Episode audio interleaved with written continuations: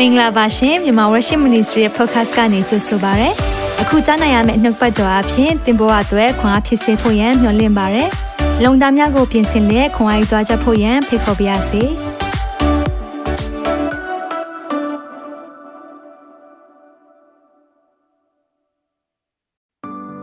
တင်ခုလိုနာဆင်ခွန်အားနိုင်ခြင်းဟာမြန်မာ Worship Ministry ကိုလာဆင်ပန်ပိုးနေကြတဲ့ Kingdom Partners များအကြောင်းဖြစ်ပါတယ်။ဖျားခင်နိုင်ငံတော်ကျယ်ပြန့်ရေးအတွက်လာဆင်ပေးကမ်းပောင်းဖို့ရန်ဖိတ်ခေါ်လိုပါတယ်ရှင်။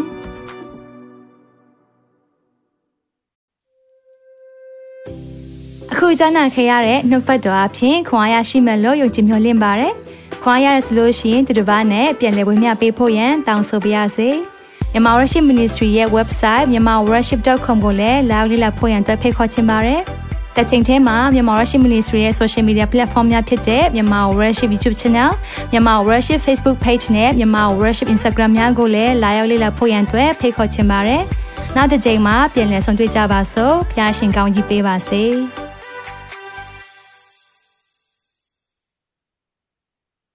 Good morning, good afternoon, good evening ပါလို့အလျောက်စီတိုင်းကိုနှုတ်ဆက်ပါရနော်တချို့တွေအတွက်တော့ morning ဖြစ်နေပြီကျွန်တော်တို့အတွက်တော့ afternoon ဖြစ်နေပြီအဲကြောင့်အသင်းတော်ဆိုတာနယံလေးဖက်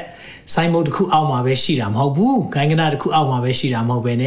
ယုံကြည်သူသားသမီးတိုင်း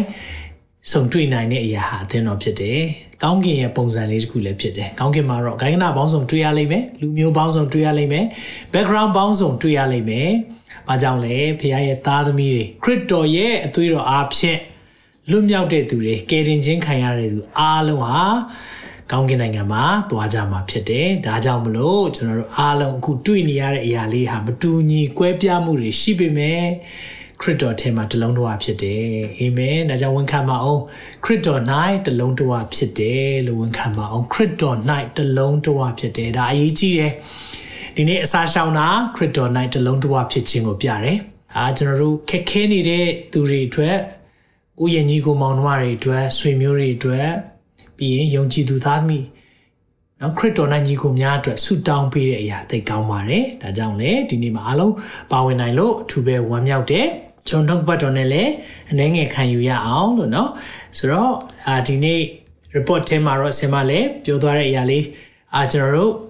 ထူးပဲပေါ့နော်ကောင်းကြီးမင်္ဂလာခံစားရတဲ့အရာတခုကဘာလဲဆိုရင်တော့ခုချိန်မှာတော့အချင်းတောင်မှာခက်ခဲနေတဲ့အင်ဂျီ85အိမ်ကိုရှေးစုတော်ကြောင့်ဆန်ဝေမျှခွင့်ဖျားပေးတယ်အာမင်အဲကြောင့် Passover ကာလမစားနိုင်တဲ့သူတွေမတောက်နိုင်တဲ့သူတွေသူတို့ရဲ့လေးတဲ့ဝင်တွေကိုကျွန်တော်ချပေးရအောင်လို့เนาะအရောက်စီတိုင်းပါဝင်ကြရလဲအထူးကျေးဇူးတင်တယ်ဆက်လက်ပြီးတော့ဆက်လက်ပါဝင်ရအောင် ကြီးမြတ်တဲ့ဖခင်ရှင်နာမတော်တာ၍ဘုန်းကြီး၍မင်္ဂလာရှိပါစေအာမင်ဝန်ခံနေကြနှုတ်ပတ်တော်တစ်ခေါက်လောက်ဝန်ခံရအောင်139ခုမြောက်သောစာလံပိုင်ငယ်105နှုတ်ကပတ်တော်သည်ကျွန်ုပ်ချီရှိမှမိခွက်ဖြစ်၍ကျွန်ုပ်လန်ခီကိုလင်းစေပါ၏တစ်ခေါက်လောက်ဝန်ခံပါအောင်နှုတ်ကပတ်တော်သည်ကျွန်ုပ်ချီရှိမှမိခွက်ဖြစ်၍ကျွန်ုပ်လန်ခီကိုလင်းစေပါ၏ဒီနေ့နှုတ်ပတ်တော်အဖြစ်ဘုရားကဘာလုပ်ရမလဲဆိုတာသင်ကိုလမ်းပြပါစေသွန်သင်ပါစေ ခဏလောက်အသက်တာတွေကိုအနှံ့ရအောင်အသက်ရှင်သောထာဝရမြတ်စွာသောဘုရားသခင်ကိုရိုင်းနာမတော်ကိုအထူးပဲချီးမွမ်းပါတယ်ပို့ဆောင်ပေးတဲ့အရာအတွက်ကျေးဇူးတင်တယ်ကိုရိုရဲ့လမ်းပြခြင်းအတွက်အထူးပဲကျေးဇူးတင်ပါတယ်ချီးမွမ်းခြင်းဂုဏ်ပြုခြင်းအားလုံးကိုရောကိုပေးပါတယ်ကျွန်တော်တို့ day 4ရောက်လာပါပြီ Passover ကာလထဲမှာကိုရောနဲ့အချိန်ယူခွင့်ရလို့ကျေးဇူးတင်ပါတယ်တန်ရှင်းသောသတင်းပတ်ဖြစ်ပါတယ်လောကသားတွေအတွက်ဘလောက်ချစ်လဲလို့ကိုရောပြစ်မြတ်တာပြတဲ့ နောက်ဆုံးသောသတင်းပတ်လည်းဖြစ်ပါတယ်ဒီကာလမှာကိုရိုနာအတူချိန်ယူခွင့်ရလို့ယေရှုတင်တယ်သားသမီးများအားလုံး online မှာရှိနေကြပါပြီကိုရိုရဲ့လက်ဝင်နိုင်ပဲသက်တာတွေအနံပါတယ်ဒီနေ့ကြားနာမယ်နှုတ်ပတ်တော်အားဖြင့်လည်းခွန်အားဖြစ်စေပါကျွန်တော်တို့အတွက်ဒီဆောက်စရာဖြစ်စေပါသခင်ယေရှုကိုပို့တည်သွားဖို့အကြောင်းဖြစ်ပါစေသုံးတော်ခံမဲ့ကျွန်တော်ပုံမှာလည်းကိုရောပိတ်သိချင်းကိုတောင်းခံပါတယ်ဝိညာဉ်တော်ဘုရားတရားမှတရားအလုံးလုံးပါသခင်ယေရှုနာမ၌စက္ကန့်နဲ့ဆုတောင်းပါ၏ဖာ အာမင်အာမင်အာမင်အာမင်ခရစ်တော်၌တလုံးထွားရဲဖြစ်ကြတယ်ဟာလေလုယာနှုတ်ပတ်တော်ထဲမှာကျွန်တော်ရှာကြည့်မိသလောက်ပေါ့နော်အစာရှောင်ခြင်းနဲ့ပတ်သက်ပြီးတော့ရည်ရွယ်ချက်လေးတွေရှိတယ်။ဘာကြောင့်အစာရှောင်ကြတာလဲနော်အစာရှောင်ခြင်းမှာအမျိုးမျိုးရှိတယ်။အဒီအရာနဲ့ပတ်သက်ပြီးတော့လေကျွန်တော်လွန်ခဲ့တဲ့နှစ်တွေကဝင်မြဘူးတယ်။ဆိုတော့အစာရှောင်ခြင်းနဲ့ပတ်သက်ပြီးတော့ ကောက်နှုတ်ထားတဲ့အကြောင်းအရာဆိုရင်တော့အစာရှောင်ခြင်းရည်ရွယ်ချက်တွေက၈ခုလောက်တွေ့ရတယ်။ဒါမဲ့ဒီနေ့တော့ကျွန်တော်တို့၈ခုလုံးအချိန်မရတဲ့အတွက်မသွားတော့ဘဲနဲ့အဲ့ဒီထဲမှာမှကျွန်တော်တို့၈ခုထဲကတစ်ခုပေါ့နော်။အာဒီဒီရာဖခင်ရဲ့ဝိညာဉ်တော်နှိုးဆော်တဲ့အတွက်ဒီရာကိုကျွန်တော်ပြောသွားမှာဖြစ်တယ်။ဆိုတော့အဲ့ဒါတွေကဘာတွေလဲဆိုတာကိုကျွန်တော်တို့လေ့လာရအောင်။အဲ့ဒါမလေ့လာခင်မှာပြန်ပြီးတော့ဒီနေ့ remind လုပ်ခြင်းနဲ့အစာရှောင်ခြင်းဆိုတာ ကိုယ်ခန္ဓာကိုအစာမကျွေးဘူးစိတ်ကိုအစာမကျွေးဘူးဘာကိုအစာကျွေးတာလဲဝိညာဉ်ကိုအစာကျွေးတာဖြစ်တယ်ဒါကြောင့်ကျွန်တော်တို့ဝိညာဉ်ခိုင်မာဖို့ရန်အတွက်ဘုရားကအလိုရှိတယ်အတွင်းလူဝိညာဉ်လူဆိုတာအတွင်းလူကျွန်တော်တို့ထဲမှာအတွင်းလူရှိတယ်เนาะဆိုတော့အငယ်တော့ကတော့တိုင်းဝတ္ထုတွေဖတ်ဖူးတဲ့သူတွေရှိပါလိမ့်မယ်ကျွန်တော်လည်းတိုင်းဝတိုင်းဝတ္ထုတွေဆိုတော့တွဲလိုက်တွဲလိုက်တွေကိုဖတ်ခဲ့တယ် အဲ့ဒီထဲမှာတခုเนาะသတိထားမိတာအတွင်းအားဆိုတာเนาะသူတို့တိုင်းကွက်တူနေအောင်မှအတွင်းအားကောင်းတဲ့သူကနိုင်တယ်ဆိုတာမျိုးပေါ့เนาะခဏခဏတွေ့ရတယ်ဆိုတော့သူတို့မှာအတွင်းအားကျင့်စဉ်ဆိုတာလေငြိမ်ချသွားပြီးတော့ဘာမှမလုပ်တော့ဘဲနဲ့အတွင်းအားကျင့်နေတယ်အတရုတ်တိုင်းဝတ္ထုတွေမှာဟောเนาะတရုတ်ကားတွေမှာလည်းအများအားတွေ့ရတယ်ဒါမဲ့ကျွန်တော်တို့ယုံကြည်သူတွေလည်းဒီအရာလေးရှိတယ်ဆိုတာသိစေချင်တယ်တကယ်တော့အစာရှောင်ခြင်းဆုတောင်းခြင်းဆိုသူတို့အတွင်းလူကိုခိုင်ခန့်စေဖို့ဖြစ်တယ်ဒါကြောင့် နော်ယုံကြည်သူချင်းတူရင်အောင်မှနော်အတွင်းလူခိုင်ခန့်ခြင်းအတွင်းအားပိုကောင်းတဲ့သူတွေဖြစ်ဖို့လိုတယ်။ဒါကြောင့်အတွင်းအားကောင်းတယ်ဆိုရင်စုံစမ်းနှောက်ယှက်ခြင်းဘလောက်ပဲလာလာကျွန်တော်တွန်းလှန်နိုင်မှာဖြစ်တယ်။နော်ဒါကြောင့်ဒီနေ့အစာရှောင်နေဆိုတာပတ်ဝန်းကျင်ကဖြစ်ပျက်နေတဲ့ခါတိုင်းကြားနေကြအတန်နေခါတိုင်းနားဆင်နေတဲ့အရာတွေခါတိုင်းကြည်နေတဲ့အရာတွေခါတိုင်းကိုကဒီအရာတွေနဲ့ခွန်အားယူနေတဲ့အရာတွေကိုမလုပ်တော့ဘူး။ဘာနဲ့ပဲဖျားနဲ့ပဲအချိန်ယူတော့မယ်။ ဝိညာဉ်တော်နဲ့ပဲအချိန်ယူတော့မယ်ပြီးရင်ဗမာကျမ်းစာနဲ့ပဲအချိန်ယူတော့မယ်ဆိုပြီးတော့ကျွန်တော်တို့တွေဆုံးဖြတ်ချက်ချတာဟာဘာလို့တာလဲဆိုတော့အတွင်းလူကိုခွန်အားနဲ့မြင်းမြံစေတာဖြစ်တယ်အာမင်ဒါကြောင့်ဝန်ခံပါအောင်ဝိညာဉ်တော်အားဖြင့်အတွင်းလူခိုင်ခံပြီလို့ဝန်ခံပါအောင်ဝိညာဉ်တော်အားဖြင့်အတွင်းလူခိုင်ခံပြီအစာရှောင်ခြင်းဆိုတာဝိညာဉ်ကိုအစာကျွေးတဲ့အခါမှာဝိညာဉ်တော်အရန်လှုပ်လှုပ်တယ် အကြောင်းကျွန်တော်တို့သက်တာမှာခက်ခဲတဲ့အချိန်တွေကိုယ့်ရဲ့အသက်တာမှာမကြုံဖူးတဲ့အရာကြုံလာပြီဆိုရင်စာရှောင်ပြီးတော့အောင်မြင်ဖို့ရန်အတွက်ကြော်လွှားဖို့ဖြစ်တယ်အာမင်။အဲကြောင့်ဘာစာရီရှောင်ရမလဲပါဇက်စာရီရှောင်ပါဒီအချိန်မှာပါဇက်စာရီသူသဖြင့်နော်သူများအကြောင်းပြောခြင်းတဲ့အရာတွေရှောင်ပါစိတ်အစာ ကိုစိတ်ခံစားချက်နဲ့ကြည်နေတဲ့ဟာတွေရှောင်ပါ Facebook တွေရှောင်ပါပြီးရင်မျက်စိအစာနော်ဒါကိုကြည်နေတဲ့ရုပ်ရှင်တွေ TV တွေအကုန်လုံးပေါ့နော်ရှောင်ဖို့ဖြစ်တယ်နားအစာသူများလာပြောတဲ့အရာနားထောင်တဲ့ခြင်းကိုလည်းရှောင်ပါလို့နော်ဒါကြောင့်အစာရှောင်ခြင်းရဲ့ရည်ရွယ်ချက်က၈ခုလောက်ကိုအာတွေ့ရတယ်ကျမ်းစာထဲမှာဆိုတော့ဒါခြုံငုံပြီးတော့ပြောတာဖြစ်တယ်နော်ဆိုတော့အဲ့ဒီအထဲမှာမှကျွန်တော်အချက်လေးတွေတချို့ကိုကျွန်တော်ပြောပြချင်တယ်ဆိုတော့ အစာရှောင်ခြင်းရည်ရွယ်ချက်တွေဘာတွေရှိလဲဆိုရင်သာသနာလုပ်ငန်းအောင်မြင်ဖို့နော်ယေရှုခရစ်တော်သူ့ရဲ့အသက်တာမှာရက်40စာရှောင်တယ်သူ့ရဲ့သာသနာမစခင်မှာအစာရှောင်တယ်အလုံးသိတယ်စုံစမ်းနောက်ရှင်းချင်းလာတယ်မာနကိုအောင်မြင်တယ်အဲ့ဒါပြီးမှနမိတ်လက္ခဏာတွေအများကြီးပြုသွားတယ်။ဒါကြောင့်တချို့တွေဒီထဲမှာအမှုဆောင်ခြင်းနဲ့အဲကိုယ့်ရဲ့သက်တာမှာဖခင်ရဲ့ဖော်ပြခြင်းနဲ့တွားခြင်းနဲ့ဆိုရင်စရှောင်မှာကိုယ့်ရဲ့သာသနာလုပ်ငန်းအောင်မြင်ဖို့ဖြစ်တယ်။ ပြီးတော့ထာဝရဘုရားရဲ့လမ်းပြခြင်းရှာဖွေခြင်းနဲ့တချို့တွေလမ်းပြောင်းနေတယ်ဆိုရင်လည်းစာရှောင်လို့ရတယ်။ဝမ်းနဲ့ကြည်ကွဲခြင်းနော်အာယေရုရှလင်မြို့ပျက်စီးသွားပြီဆိုတဲ့အခါမှာအေဒီလာလူမျိုးတွေကဝမ်းနဲ့ကြည်ခွဲတဲ့အနေနဲ့လည်းအစာရှောင်ကြတယ်တော်တော်များများဒီအစာရှောင်ခြင်းကိုပြတယ်နောက်ပြီးတော့ထာဝရဘုရားရဲ့ကာကွယ်ခြင်းနဲ့လွတ်မြောက်ခြင်းရရှိဖို့အေဒရာပြေမကြီးခဲ့သူပေါ့နော်သူရဲ့ အတိုင်းပြည်မှာဂျူးလူမျိုးတွေအားလုံးကိုလူမျိုးတုံးတပ်ဖြတ်တော်မယ်ဆိုတဲ့အခါမှာဖခင်ရဲ့ကာကွယ်ခြင်းနဲ့လွတ်မြောက်ခြင်းရဖို့သူတို့ဆာရှောင်ခဲ့တာတွေ့ရတယ်ပြီးရင်တော့နံပါတ်5ဆိုရင်တော့ထာဝရဘုရားထံမှာလှည့်လာပြီးနောင်တရတယ်ဆိုတာနီးနဝေမြို့မှာနော် prophet ယောနာသွားတဲ့အခါမှာတဲ့တရိษံအစဆာရှောင်တာနော်အဲဒီတော့တရိษံတွေပါအစားမကျွေးတော့ဆာရှောင်ခိုင်းလိုက်တယ်အဲ့လိုဖြစ်တဲ့အခါမှာဘုရားရဲ့ဖြက်စီးခြင်းကနေဘုရားကလွတ်မြောက်ခြင်းခွင့်ပေးတယ်။ ဒါကြောင့်ကိုယ့်ရဲ့မြို့ရွာတွေမလုံခြုံဘူးလို့ခံစားရတယ်ဆိုရင်ကိုယ့်ရဲ့တိုင်းပြည်မလုံခြုံဘူးလို့ခံစားရဆိုရင်အစာရှောင်ဆုတောင်းလို့ရတယ်ဆိုတာကိုဖော်ပြတယ်။ပြီးတော့ဘုရားထံမှာနှိမ်ချတာဆိုတော့အစာရှောင်တာက humble လုပ်တယ်ဆိုတော့ကိုယ့်ရဲ့အသက်တာမှာစားနေကြတယ်မစားတော့ဘူးကိုယ့်ရဲ့သက်တာမှာပုံမှန်လုပ်နေကြတယ်မလုပ်တော့ဘူးဆိုရင်တော့အဲ့လိုမျိုးအာထာရဖျားထန်တော်မှာနှိမ်ချခြင်းပြခြင်းနေဆိုရင်အစာရှောင်ရပါတယ်ပြီးရင်တော့အောင်မြင်ခြင်းရဖို့ အဒီနေ့ဒီအကြောင်းအရာလေးကိုပြောသွားမှာဖြစ်တယ်ပြီးတော့ထာရဖျားကိုကိုးကွယ်ခြင်းပြတဲ့အနေနဲ့လည်းအစာရှောင်ကြတယ်ဆိုတော့အစာရှောင်တဲ့ရည်ရွယ်ချက်တွေကျွန်တော်အသေးစိတ်နဲ့ဒါကိုဟောပူပါတယ်နားထောင်လို့ရပါတယ်เนาะလှုပ်ဝက်လက်နဲ့ဆိုပြီးတော့เนาะ secret weapon David Kim လို့ YouTube မှာရှာရင်เนาะအကုန်လုံးတွေ့ရမှာဖြစ်တယ်ဆိုတော့ဒီနေ့အဲ့ဒီရှစ်ချက်ထဲမှာမှာကျွန်တော်နံပါတ်9နှစ်ပေါ့နော်အောင်မြင်ခြင်းရရှိဖို့ဆိုတဲ့အကြောင်းအရာလေးကိုဝေမျှသွားမယ်အောင်မြင်ခြင်းဘယ်နှယောက်လိုချင်ကြလဲလိုချင်တယ်နော် အောင်မြင်ခြင်းဖျားပေးတဲ့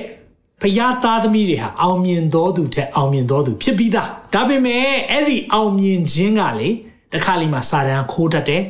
စာတန်းကျွန်တော်တို့မအောင်မြင်တဲ့လူဖြစ်ဖို့ဆိုပြီးတော့အတွေးခေါ်တွေပေးတတ်တယ် no ဒီနေ့မှာအောင်မြင်တော်သူထက်အောင်မြင်တော်သူဖြစ်ပြီးသားဒါပေမဲ့တခါလီမှာစုံစမ်းခြင်းကလာသေးတယ်ဘာလို့လဲဆိုတော့ကျွန်တော်တို့ကလောကမှာနေနေရသေးတဲ့ခါမှာလောကရဲ့ အရှင်သခင်ဖြစ်တဲ့စာတန်ကကျွန်တော်တို့ကိုချုပ်ကင်ခြင်းနဲ့တိုက်ခိုက်ခြင်းနဲ့အဲ့ဒီအချိန်မှာအောင်မြင်ခြင်းလိုတယ်။ဒါကြောင့်ဒီနှုတ်ဘတ်တော်ခေါင်းစဉ်ကိုဒီလိုပဲပေးထားပါတယ်။အောင်မြင်ခြင်းနီလန်တဲ့နော်။အောင်မြင်ခြင်းနီလန်ဆိုတော့စာအုပ်တွေအများကြီးဖတ်ဖူးပါလိမ့်မယ်နော်။အောင်မြင်ခြင်းနီလန်ဆိုတော့တစ်ခေါက်ပုံပြင်လေးတစ်ခုကြားဘူးတယ်။အဲ့ဒါပါလဲဆိုတော့အောင်မြင်ခြင်းနီလန်ဆိုတဲ့စာအုပ်လေးကိုဟိုပေါ့နော်ရောင်းနေတာ။ရောင်းနေတော့ အေးအောင်မြင်ခြင်းတဲ့လူတွေတဲ့လာလာဝယ်ပါလာဝယ်ပါတဲ့3000 3000ဆိုတော့အဲ့ဒါသူကလည်းသွားဝယ်လိုက်တော့အဲ့နဲ့အထင်းမှာဘာမှလည်းမရေးထားဘူးအဲ့နဲ့ဟာဘာမှလည်းမရေးထားပါလားလို့ပြောတော့အေးတဲ့အရင်အရင်တယောက်စီကလည်းငါအဲ့လိုပဲဝယ်ဝယ်ခဲ့တာတဲ့2500နဲ့အခုမင်းစီကို3000ရောင်းတယ်ဆို तू ကလည်း3500နဲ့ပြန်ရောင်းဖို့ဖြစ်နေဆိုတော့ဒါကလောကရဲ့အောင်မြင်ခြင်းပေါ့နော်ရိုက်စားလုပ်တဲ့အရာတွေပေါ့ ဒါပေမဲ့ကျွန်တော်တို့ဒီနေ့ပြောမယ့်အရာကလောကရဲ့အောင်မြင်ခြင်းမဟုတ်ဘူးဖယားနီးယာမနဲ့အောင်မြင်ခြင်းဖြစ်တယ်အာမင်ဖျားပေးတဲ့အောင်မြင်ခြင်းဖြစ်တယ်။တမန်ကျမ်းစာမှာခက်ခဲတဲ့သူတွေအများကြီးပါတယ်။သေရေးရှင်ရေးကြုံရတဲ့အချိန်မှာဘာလုပ်မလဲ။အဲ့ဒီဘဝမှာလေသေရေးရှင်ရေးအခြေအနေဖြစ်လာပြီ။အဲ့ဒီအခြေအနေမှာဘာလုပ်ရမလဲ။ဒီနေ့မှာဖျားကတမန်တင်တမန်ကျမ်းစာတမန်တရားအပြင်ကျွန်တော်တို့ကို အဖြေပေးခြင်းတယ်။ဒါကြောင့်ဒီအရာလေးကိုတစ်ချက်လောက်လေ့လာသွားရအောင်။ဆိုတော့အောင်မြင်ခြင်းနီလန်အဲ့ဒီအောင်မြင်ခြင်းနီလန်ကတော့နံပါတ်1ချက်အရေးကြီးဆုံးကတော့ဖះကိုရှာပါအောင်မြင်ခြင်းကဖះထဲမှာပဲရှိတယ်နော်ဖះကိုရှာဖို့ဖြစ်တယ်ယုံကြည်သူတော်တော်များများကအောင်မြင်ဖို့ရန်အတွက် YouTube မှာရှာတတ်တယ်အ YouTube မှာအောင်မြင်ခြင်းဘာလုပ်ပါဆိုတာပြောတာအများကြီးရှိတာဟုတ် ဒါကြောင့်မလို့အခုချိန်မှာ YouTube မှာရှာတယ်အောင်မြင်ခြင်းစီးပွားရေးကျွမ်းကျင်တဲ့သူတွေစီမှာရှာပါနော်ဒါလည်းအမှန်တင်တဲ့လောက်မှန်ပါတယ်အောင်မြင်တဲ့သူတွေသူတို့ဘာလုပ်တယ်လဲဘယ်မှာရင်းနှီးမြှုပ်နှံတယ်လဲကောင်းပါတယ်ဒါပေမဲ့အဲ့ဒါကလည်းတကယ်အောင်မြင်ခြင်းစစ်မှန်တဲ့ကျွန်တော်ဒီနေ့ပြောမဲ့အရာမဟုတ်ပြန်ဘူး။အဲကြောင့်သေရေးရှင်ကြုံရင်ပြီဆိုရောဘယ်လိုလုပ်မလဲ။သေရေးရှင် အဲကြောင့်ဒီနေ့ပြောမဲ့အောင်မြင်ခြင်းကသင်ရဲ့အသက်တာမှာသေရေးရှင်သေဘေးနဲ့ကြုံလာပြီ။ရန်သူလာတိုက်တော့မယ်ဆိုရင်ဘယ်လိုမျိုးအောင်မြင်အောင်ဆောင်ရွက်ရမလဲ။နံပါတ်1ချက်ကဖျားကိုရှာပါတဲ့ကျွန်တော်နှုတ်ပတ်တော်နဲ့တွားရအောင်ရာဇဝင်6ဒုတိယဆောင်အခန်းကြီး20ထဲကအကြောင်းအရာဖြစ်တယ်အဲ့ဒီမှာဘာတွေ့ရလဲဆိုတော့အငယ်တစ်ကနေဖတ်ချင်ပါတယ်ထို့နောက်မှာမောဘအမျိုးသားအာမုန်မျိုးသားတို့သည်အေရုံမျိုးသားအချို့နဲ့ယောရှဘက်ကိုစစ်တိုက်မိဟုခြီလာကြ၏ ရန်သူက၃ဖွဲ့မောဘအာမုန်အေဒုံဒီအဖွဲတွေလာပြီးတော့ဒါပဲမဟုတ်စီရတောင်သားတွေပါခေါ်လာသေးတယ်ဆိုတော့ဒီအဖွဲတွေအများကြီးလာတော့အိုင်ကြီးတစ်ဖက်အေရုံဘီဖက်ကများစွာသောအလုံးရင်စစ်ချီလာ၍အေဂေဒီအမိရှိသောဟာဇဇန်တာမာမြို့မှာရှိနေကြပါသည်ဟုယောရှဖတ်အားကြားလျှောက်လင် ယောရှဖတ်သည်ကြောက်ရွေးတဲ့ဆိုတော့သူတို့ကိုစစ်လာတိုက်ပြီးဆိုတော့ဘယင်ကြီးလဲကြောက်ပါတယ်ဘယင်လဲလူပဲဖြစ်တယ်ဆိုတော့သူတို့ကိုရန်သူကသုံးဖွဲ့တောင်လာတော့မယ်သုံးနိုင်ငံကလာတိုက်ပြီးလို့ဖြစ်တဲ့အချိန်မှာမကြောက်ပဲနေမလားအဲကြောင့်သူတို့ဒီလိုမျိုးကြုံလာတဲ့အခါမှာတော့ကြောက်ပြီဒီလိုကြောက်တဲ့အခါမှာ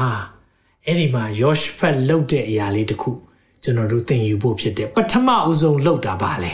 ယောရှုဒီကြောက်၍ဘာရှာဘာလုပ်တယ်ထာဝရဘုရားကို ရှာခြင်းကသဘောချလျက်အစာရှောင်ရအချိန်ကိုယူရပြီတစ်လျှောက်လုံး၌ကြီးညာစေတော်မူ၏မိတ်ဆွေဒီမှာကြည်ပါဘာတွေ့ရလဲရန်သူလာပြီသေဘေးကြုံပြီအခက်ခဲကြုံပြီဆိုရင်ပထမအဆုံးလုပ်တာဖះကိုရှာတယ်အဲ့ဒီဖះကိုရှာကြောင်းဘယ်လိုပြလဲအစာရှောင်တာဒါကြောင့်မိတ်ဆွေဒီနေ့မှာအစာရှောင်တာသိကောင်းတယ်ဒါဖះကိုရှာတာ ဖះကိုရှာတာကျွန်တော်တို့တွေအကြောင်းကိုအစာကိုမရှာတော့ဘူးနော်ကိုစိတ်ကြည်နှက်တဲ့အရာတွေမရှာတော့ဘူးစိတ်အစာတွေမရှာတော့ဘူးမျက်စိအစာတွေမရှာတော့ဘူးနားအစာတွေမရှာတော့ဘူးပါးစပ်အစာတွေမရှာတော့ဘူးပါရှာလဲဝိညာဉ်စာရှာတာဖះကိုရှာကြောင်းပြတာဒါကြောင့်သင်ဒီနေ့မှာအစာရှောင်ခြင်းထဲမှာကိုပါဝင်ခြင်းဟာဖះကိုရှာတယ်ဆိုတာသိထားပါအာမင်ဒါကြောင့်ဖះကိုရှာတယ်တဲ့ ယူရလူတို့သည်ထာဝရဘုရားကိုဆုတောင်းမိကိုဆုဝေ၍ထာဝရဘုရားကိုရှာအံ့သောငါယူရမျိုးရှိသည်များ၌ထွက်လာကြ၏အားလုံးကြောက်ပြီလေရန်သူလာနေပြီလေအဲ့အချိန်ကျတော့ညီပြီဟေးညီတာပေါ့အားလုံးတိုက်ခတ်ခံရတော့မယ်အချိန်ကျတော့မရှာလို့လည်းမရတော့ဘူးအခက်အခဲဖြစ်လာပြီမိတ်ဆွေဘွားမှာလည်းကြုံပါလိမ့်မယ်နော်ကိုကိုအသက်အန္တရာယ်ဘေးကနေလာတော့မယ်ဟေးလို့ကြုံတဲ့အချိန်မှာအမြဲတမ်းသိထားပါအစာရှောင်ပါ အသက်ဘေးကြုံရင်အစာရှောင်ဖို့လိုတယ်။ဘာကိုပြတာလဲသာရဖျားကိုရှာခြင်းကိုပြတာဖြစ်တယ်။အဲ့လိုအစာလဲရှောင်လိုက်ရှောင်လိုက်ရောဘာဆက်ဖြစ်လဲကြည်ရအောင်။ဆိုတော့ယောရှဘက်ကြီးကဖျားရဲ့ကောင်းမြတ်ခြင်းကိုသူစပြီးတော့ရည်တွက်တယ်။ဒါကြောင့်နံပါတ်1ချက်အစာရှောင်တဲ့အချိန်မှာကျွန်တော်လှုပ်ဖို့လိုတဲ့အရာလေးရှိတယ်။အဲ့ဒါဘာလဲဆိုတော့ဖျားရဲ့တတ်နိုင်ခြင်းအပေါ်မှာမိခိုပါ။ဖျားရဲ့တတ်နိုင်ခြင်းအပေါ်မှာခုနကျွန်တော်တို့ အငယ်1ကနေ4ပေါ့နော်ဖတ်ပြီးတဲ့အခါမှာအငယ်9ကနေ7နှစ်အထိရောလေဖျားဘသူဖြစ်လဲဆိုတော့ယောရှုဘတ်ကြီးကလေပြောနေတာကိုရောသူပြောပြီကိုရောကျွန်တော်တို့ကင်မခဲ့တာကိုရောမဟုတ်ဘူးလားပင်လယ်နီနှချမ်းကွဲခဲ့တာကိုရောမဟုတ်ဘူးလားပြောချင်တဲ့သဘောကပါလေဖျားအရင်ကလှုပ်ခဲ့ပြီးတဲ့အရာ အခုလဲလှုပ်ပေးနိုင်တယ်ဆိုတာကိုလေအောင်မေတ္တရတာဖျားရဲ့တတ်နိုင်ခြင်းသူတို့တည်သွားပြီဖျား မလွဲတခြားအနေနဲ့မတတ်နိုင်တော့ဘူးဆိုတာဘယင်မင်းကြီးကိုယ်တိုင်သိသွားပြီ။နောက်နိုင်ငံခေါင်းဆောင်တွေလေဖះကိုအားကိုးဖို့အရန်ရေးကြည့်တယ်။အသင်းတော်ခေါင်းဆောင်တွေဖះကိုအားကိုးဖို့အရန်ရေးကြည့်တယ်။အသင်းတော်ခေါင်းဆောင်ပဲမဟုတ်ဘူး။မိသားစုရဲ့ခေါင်းဆောင်တွေဆွေမျိုးရဲ့ခေါင်းဆောင်တွေဒီနေ့ဖះကိုရှာဖို့နဲ့ဖះကိုအားကိုးဖို့အရေးကြီးတယ်။အဲ့လိုအားကိုးတဲ့အခါမှာဖះရဲ့တတ်နိုင်ခြင်းတွေသူပြောတယ်။ပြောတဲ့အရာလေးကို ကြည့်ကြည့်အောင်နော်သူတို့မတတ်နိုင်တော့ဘူးဆိုတာဝန်ခံတယ်ကျွန်တော်အငယ်စနစ်ကိုကြော်ဖတ်သွားမယ်နိယာကျုပ်ခန်းကြီး20အငယ်စနစ်အိုးကျွန်ုပ်တို့ဖျားသခင်သူတို့ကိုမစီရင်ပဲနေတော်မူမီလောလာတိုက်နေတဲ့သူတွေကိုပြောပြီးရန်သူတွေလာပြီးကိုရောမစီရင်ပဲမနေပါနဲ့ကျွန်တော်တို့ကိုတိုက်အံ့သောကလာတော့ဤအလုံးရင်းကိုကျွန်တော်တို့ဒီစီးတားခြင်းကမတတ်နိုင်ပါမတတ်နိုင်တော့ဘူးဆိုဖျားကိုရှာတော့မတတ်နိုင်တော့ဘူးဆိုရင်လေ အစာရှောင်တော့မတတ်နိုင်တော့ဘူးဆိုရင်ဖះကိုလေတရားမှတရားပုံအပ်လိုက်တော့ဘယ်သို့ပြုရမည်ကိုမသိပါတဲ့။ဘာလုပ်ရမှန်းမသိရင်ဒီမှာဘာလုပ်သင့်လဲကျွန်တော် highlight လုပ်ထားပေးတယ်။ကိုရောကိုသာမျောကြည့်လျက်နေကြပါသည်ဟုဆုတောင်း၍ယူရလူပေါင်းတို့သားသမီးတွေနဲ့ဖះရှိမှရက်နေကြတယ်။ဒီချက်လေးကိုတွေ့တဲ့အခါမှာလေဖះရဲ့တတ်နိုင်ခြင်းကိုမိခိုဖို့ရန်အတွက်ကျွန်တော်တို့ကိုပြောတယ်။ လူဖြစ်ရင်လေအခက်ခဲကြုံရင်ဘာပဲရှာလဲဆိုဘသူ့ကိုအကူညီတောင်းအောင်မလဲဆိုတာရှာတယ်။အာငါအခက်ခဲရှိလာပြီ။အကြောင်းအခက်ခဲရှိလာတဲ့ခါမှာလူကိုမရှာနဲ့လို့ပြောတဲ့ခါမှာဖះကလူကိုအသုံးပြုပါတယ်။ဒါပေမဲ့ကျွန်တော်တို့ရဲ့နံပါတ်1အားကိုးတဲ့အရာဖះပဲဖြစ်ပါစေ။ဖះကလူတွေကိုအသုံးပြုတယ်။အဲ့ဒီလူတွေအားဖြင့်ကိုယ့်ကိုပြန်ပြီးကူညီပေးလိုက်မယ်။ဒါပေမဲ့ကျွန်တော်တို့အားကိုးတဲ့အရာလူကနံပါတ်1ဖြစ်တဲ့ခါမှာသူတို့ညင်းလိုက်မယ်။ ညင်းတဲ့အပြင်ကိုတင်းရဲ့ခက်ခဲမှုကိုလှောင်ပြောင်လိုက်မယ်နော်အတင်းပြောလိုက်မယ်အေးငါစီမှာပတ်စံလာချီသွားတယ်ကျွန်တော်တို့ကဘုရားစီအရင်မသွားအောင်လေလူစီအရင်သွားရင်တော့လူကိုအားကိုးတဲ့နောက်ဆက်တွဲအကျိုးခံစားရတတ်တယ်အေးငါစီမှာလာပြီးတော့ဒါလုပ်သွားတယ်။အိုငါစီမှာအခုညီလာတောင်းသွားလို့ကူညီပေးလိုက်ရတယ်။အေးဂျေဇုဂျေဇုရှင်ဖြစ်သွားလူတွေကဒါအမြဲတမ်းပြောတတ်တယ်နော်။အကြောင်းကျွန်တော်တို့အောင်မြင်ခြင်းရဲ့နီလန်က နံပါတ်1ဖះကိုရှာပါနံပါတ်2ဖះရဲ့တတ်နိုင်ခြင်းဖះရဲ့တတ်နိုင်ခြင်းဒီလိုအခြေအနေမှာအားလုံးမတတ်နိုင်တော့ဘူးလေဖះရဲ့တတ်နိုင်ခြင်းကိုပဲမိခိုပါ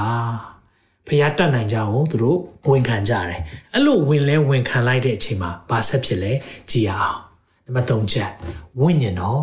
မာစမယ်ဝိညာဉ်တော် မဆမယ်သင်မတတ်နိုင်တဲ့အရာဝိညာဉ်တော်မဆမယ်ဆိုတော့နှုတ်ကပတ်တော်ထဲမှာကျွန်တော်တို့တွေ့ရတယ်ဒါကြောင့်ကျွန်တော်တို့အစာရှောင်ခြင်းဆိုတာ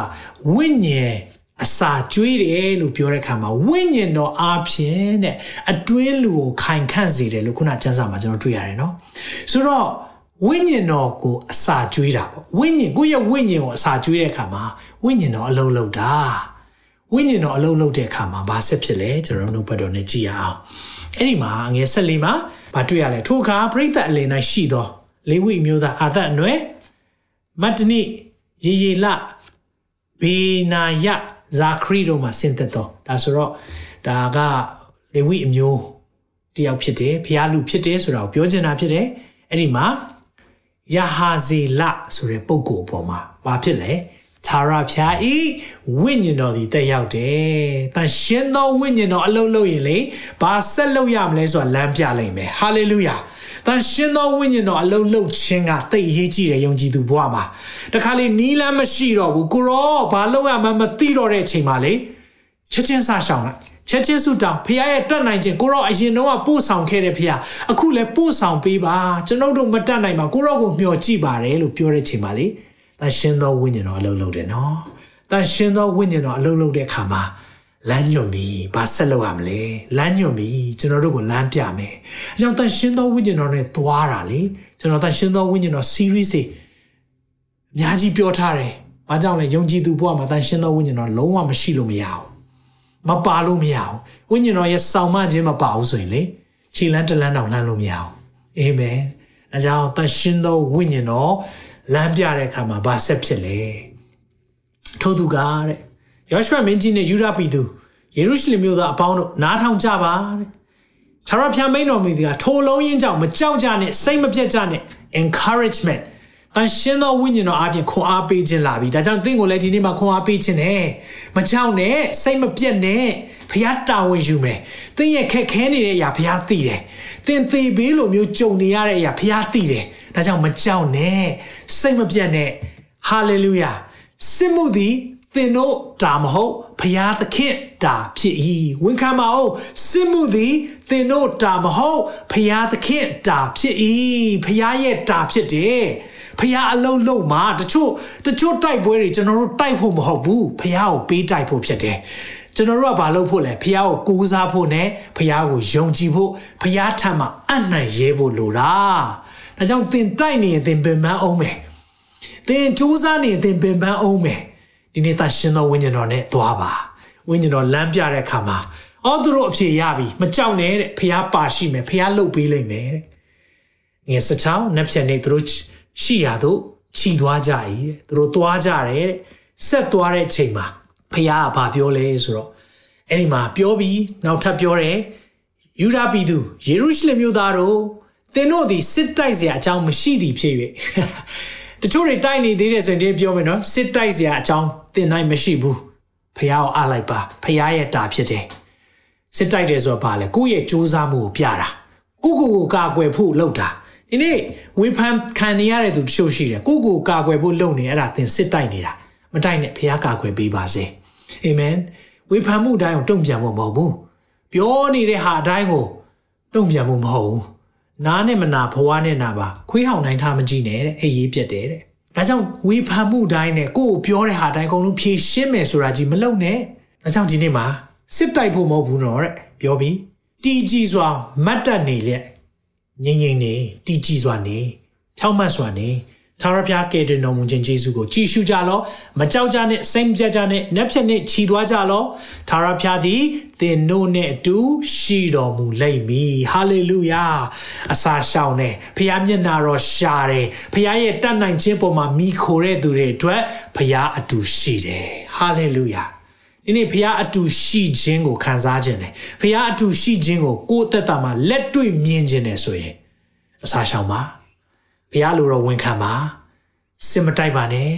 ဖះအတာဖြစ်ကြောင်းရဲဝင့်စွာတည်ကြည်စွာနေပါအာမင်ဒီလိုလုပ်တဲ့အခါမှာဗာဆက်ဖြစ်လဲကျွန်တော်ကြည်အောင်ယောရှုတ်သည်မြေပေါ်မှာဥချ၍ဖះအလုံးလုံးမယ်လို့ခံယူတဲ့အခါမှာဒါကိုးကွယ်ခြင်းကိုပြတာကိုးကွယ်ခြင်းနော်ဘယင်ကြီးကဘာလို့ဥချဝတ်ပြုစရာလို့လဲသူအကြီးဆုံးပဲနော်သင်ကမောင်နှမတွေထဲမှာအကြီးဆုံးဖြစ်လိမ့်မယ် ဒါမဲ့ဖះနဲ့ပတ်သက်လာရင်သင်ဥချရမယ်သင်ဟာအသင်းတော်မှာအကြီးဆုံးဖြစ်လိမ့်မယ်မိသားစုထဲမှာအကြီးဆုံးဖြစ်လိမ့်မယ်ရုံးမှာအကြီးဆုံးဖြစ်လိမ့်မယ်ဒါမဲ့ဖះနဲ့ပတ်သက်လာရင်သင်ဟာကိုးကွယ်သူပဲဖြစ်တယ်ဥချဝတ်ပြုရမယ်ဟာလေလုယာအဲကြောင့်ကိုယ့်ရဲ့အသက်တာကိုဖះကိုဥချဝတ်ပြုတဲ့သူပါဆက်ဖြစ်လေယူရာပြည်သူယေရုရှလင်မြို့သားအပေါင်းတို့သည်ထာဝရဘုရားရှိတော်ပြည့်ဝ၍ဖះကိုကိုးကွယ်ကြတယ်ခေါင်းဆောင်က ဥချဝတ်ပြုကိုးကွယ်တဲ့နောက်မှာနောက်လိုက်တယ်အားလုံးတိုင်းသူပြည်သားတွေအားလုံးလည်းဖះကိုကိုးကွယ်တယ်။သင်ဟာအိမ်ရဲ့ခေါင်းဆောင်ဖြစ်တယ်ဆိုသင်ကိုးကွယ်ပါ။သင်ဟာမောင်နှမထဲမှာခေါင်းဆောင်ဖြစ်တယ်ဆိုသင်ကိုယ်တိုင်ကိုးကွယ်ပါ။သင်ဟာအသင်းတော်ထဲမှာဥဆောင်တဲ့သူဖြစ်တယ်ဆိုသင်ကိုယ်တိုင်ကိုးကွယ်ပါ။အဲ့လိုကိုးကွယ်တဲ့အချိန်မှာလေကျန်တဲ့နောက်လိုက်တဲ့အားလုံးကိုးကွယ်ခြင်းလုပ်လာလိမ့်မယ်။နှုတ်ပတ်တော်ထဲမှာကျွန်တော်တွေ့ရတာဖြစ်တယ်။ဟာလေလုယာ။အဲ့ဒီမှာဘာဆက်ဖြစ်လဲ။လေဝိမျိုး ကောဟတ်အနွယ်သားကောရအနွယ်သားတို့သည်ဣသေလအမျိုးဤထာဝရဘုရားကိုကျေသောအသံပြောပါဦးကျေသောအသံချီးမွမ်းခြင်းမှာအသံကျေဖို့လိုတယ်နော်ကျေသောအသံနဲ့ချီးမွမ်းခြင်းကရက်နေကြ၏တဲ့သူတို့တွေချီးမွမ်းဖို့အောင်မြင်ခြင်းလာသေးတာမဟုတ်ဘူးနော်အောင်မြင်ခြင်းသူတို့တွေ့ရတာမဟုတ်ဘူးနော်ဒါပေမဲ့ဖះစကားရောက်လာပြီးပြီဖះပါရှိမယ်ဖះတိုက်ပြီးမယ်လို့ပြောတဲ့ခါမှာကျွန်တော်တို့ဖက်ကဘာလုပ်ဖို့ပဲလို့လဲ ချီးမွမ်းဖို့ပဲလို့တယ်ဂျေစုတင်တဲ့ကိုရောဒါကြောင့်ချီးမွမ်းခြင်းမှာတကိုးသိကြည့်တယ်ချီးမွမ်းခြင်းဟာဖះရဲ့လှုပ်ဆောင်ပေးခြင်းကိုအတီးပြုတာဝန်ခံတာဖះကိုလေးစားတာလေးစားချစ်ခင်ကျေးဇူးတင် ထောက်ခံအတီးပြုတာဒီအရာတွေလှုပ်တဲ့အရာတွေ့တဲ့အခါမှာအားလုံးကချီးမွမ်းဖို့ရက်နေတယ်။ဘာဆက်ဖြစ်ကြလဲလူတွေအားလုံးဒီနေ့စုပြီးတော့ သာရဘုရား၏ဂယုဏသည်အစင်မြဲတည်သောကြောင့်ဂုံကျေးဇူးတော်ကိုချီးမွမ်းကြလောဆိုတဲ့အရာကိုတဲ့ပြောဖို့ရန်အတွက်ဘသူတွေကိုခန့်လဲဆိုတော့အဲ့ဒီစစ်တပ်တွေရဲ့အရှိမတချင်းတွေတွေကို worshipper တွေချီးမွမ်းတဲ့သူတွေကိုရှေ့မှာခန့်တယ်တဲ့အဲ့လိုခန့်လဲခန့်ပြီးတော့သူတို့ချီးမွမ်းစာပြုတဲ့အခါမှာအငယ်20ကိုကြည်ပေးပါအဲ့ဒီမှာ တကယ်ဇက်ရှိန်တက်တဲ့အခန်းလေးပဲယူရပီကိုတိုက်အံတော့ကလာတော့စီးရတောင်သားတို့ကိုအာမုံအမျိုးသားမောဘအမျိုးသားတို့တစ်ဖက်၌ထာဝရဘုရားချောင်းမြောင်းစေတော်မူသဖြင့်အာမုံအမျိုးသားမောဘအမျိုးသားတို့သည်အထိခိုက်ခံရသောကြောင့်တစ်ဖက်စီးရတောင်သားတို့ကိုတောက်တင်ပယ်ရှင်းခြင်းကလှမ်း၍တိုက်သဖြင့်အကုန်စင်တပ်ပြီးမှတရားကိုတရားတိုက်တိုက်ခိုက်၍ပျက်စီးခြင်းတို့ရောက်ကြ၏မိတ်ဆွေရဲ့ရန်သူတွေလေအချင်းချင်းတိုက်သွားလိမ့်မယ်ဘယ်ချိန်မှလဲ သင်ကဖျားကိုရှာတယ်ဖျားမျက်မှောက်တော်ထဲမှာသွားတယ်ဖျားဖျားကိုအလိုတော်ကိုရှာပြီးတော့အစာရှောင်ဆုတောင်းတယ်တန်ရှင်းသောဝိညာဉ်တော်လမ်းပြခြင်းတိုင်းသွားတဲ့ခါမှာလေသင်ရဲ့တစ်ဖက်မှာရှိတဲ့ရန်သူတွေဖျားချိန်မုံပေးတယ်နော်အဲကြောင့်လူဆိုးတို့အကြောင်းကြောင့်စိတ်မပူနဲ့မတရားသဖြင့်ပြုသောသူတို့ကိုမယူစုနဲ့39ခုမြောက်သောစာလံမှာအဲ့ဒီသူတွေတဲ့မကြာမမြင့်မီ ညှိုးသောမြက်ပင်ကဲ့သို့ဖြစ်သွားလိမ့်မယ်အခုချိန်မှာတော့သူတို့စိမ့်နေတယ်လို့ဖြစ်လိမ့်မယ်ဒါပေမဲ့မကြာခင်မှာညှိုးသွားလိမ့်မယ်မှာကြောင့်လဲမတရားတဲ့သူတွေကိုဖခင်ကလေအချိန်ပေးထားတာနောင်တရမလားလို့နောင်တမရတဲ့အချိန်မှာဖခင်စီရင်လိမ့်မယ်အာမင်စက်ကြည့်တဲ့အခါမှာသူတို့တွေအားလုံးတိုက်ဖြတ်တော့ တစ်ချက်၄တောင်မှစစ်တိုက်စရာမလိုဘူး။မြားတစ်ချက်မပစ်လိုက်ရဘူး။လှန်တစ်ချက်မထိုးလိုက်ရဘဲနဲ့သွားကြည့်တဲ့အခါမှာအလုံးရင်းသေကြတာကိုတွေ့ရတယ်တဲ့။အဲ့ဒါနဲ့နော်အငွေ25ကိုကျော်ဖတ်လိုက်မယ်။လက်ရဥစ္စာအလွန်များသောကြောင့်၃ရက်ပတ်လုံးလူယူထုတ်ထားလျက်နေကြ၏တဲ့။၃ရက်လုံးလုံး။ဘာကြောင့်၃ရက်တောင်ကောက်ရလဲ။ ရန်သူကသုံးဖွဲ့လာတာလीနော်ဆိုတော့ရန်သူများလေလေကောင်းကြီးများလေလေဝက်ခံပါအောင်ရန်သူများလေလေကောင်းကြီးများလေလေပဲအဲ့ဒါဂျေစုတော့တခါလေကိုပြောနေတဲ့ဟာတွေရန်သူများလေလေကောင်းကြီးများလေလေရန်သူတစ်ဖွဲ့တည်းလာရင်တစ်ရက်တည်းကောက်အောင်ပါနှစ်ဖွဲ့လာရင်နှစ်ရက်ပဲကောက်အောင်ပါသုံးဖွဲ့လာတော့သုံးရက်ကောက်တယ်လေရန်သူများလေလေကောင်းကြီးများလေလေ အေးမယ်လွယ်တော့မလွယ်ဘူးပေါ့ရန်သူလာတော့ကြောက်တာပေါ့ဟောဒါမဲ့နီလန်းသိတယ်လေဒီနေ့အောင်မြင်ခြင်းနီလန်း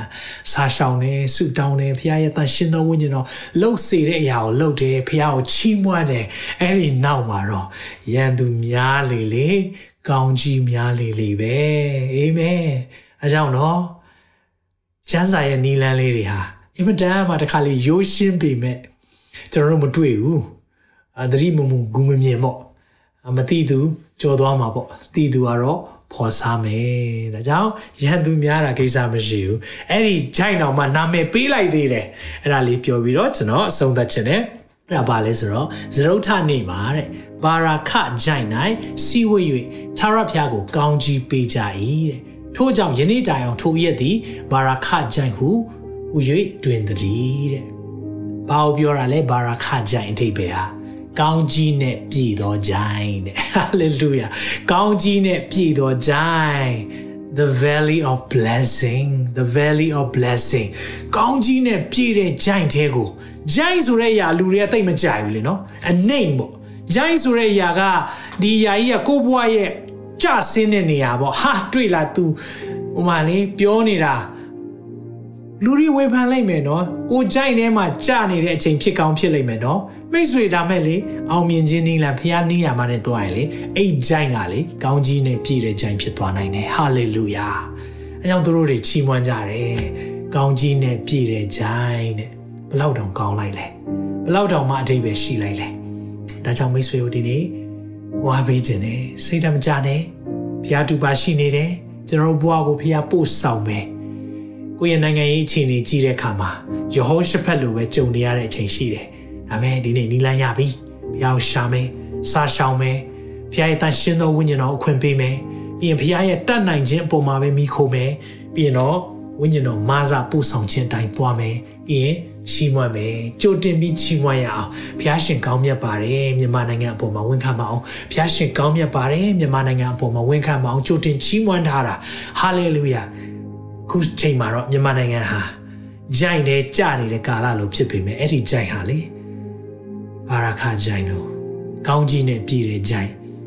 ဖះပူဆောင်နိုင်တယ်ကိုရောဒီရဲ့နှုတ်ပတ်တော်အတွက်ခြေဆုတင်ပါတယ်ကျွန်တော်တို့အသက်တာကိုကိုရောရဲ့နှုတ်ပတ်တော်အဖြစ်ခွန်အားပေးလို့ခြေဆုတင်တယ်ကျွန်တော်သက်တာမှာအနေအမြင့်နေကြုံတဲ့အခါမှာဘာလုပ်ရမလဲကိုရောသေရေးရှင်ရေးကြုံတဲ့အခါမှာဘာလုပ်ရမလဲဆိုတော့ဒီကနေ့နှုတ်ပတ်တော်အဖြစ်ကျွန်တော်တို့ဖွင့်ပြလို့ယေရှုတင်ပါတယ် အစာရှောင်ခြင်းကာလမှာကိုရောကျွန်တော်တို့ကိုဝိညာဉ်တော်အားဖြင့်တို့ထီလို့ယေရှုတင်တယ်ဝိညာဉ်တော်အားဖြင့်နှုတ်ပတ်တော်နားလည်စေလို့ယေရှုတင်တယ်ကိုရောရဲ့လက်ဝဲနိုင်ပဲသက်တာကိုအပ်ပါတယ်ဒီမှာရှိတဲ့သားသမီးတွေဘဝမှာနှိမ်ကြတယ်လို့ခံစားတဲ့ချိန်မှာပင်လေအဲ့ဒီဂျိုင်းထဲမှာပင်လေကိုရောကောင်းကြီးနဲ့ဖြည့်ပေးနိုင်တဲ့ကာလဖြစ်ကြောင်းဒီနေ့မှာဖြည့်ရပါတယ်ဆက်လက်ပို့ဆောင်ကောင်းကြီးပေးပါခင်ယေရှုရဲ့မြတ်သောနာမ၌စက္ကန့်နဲ့ဆုတောင်းပါ၏ပါအာမင်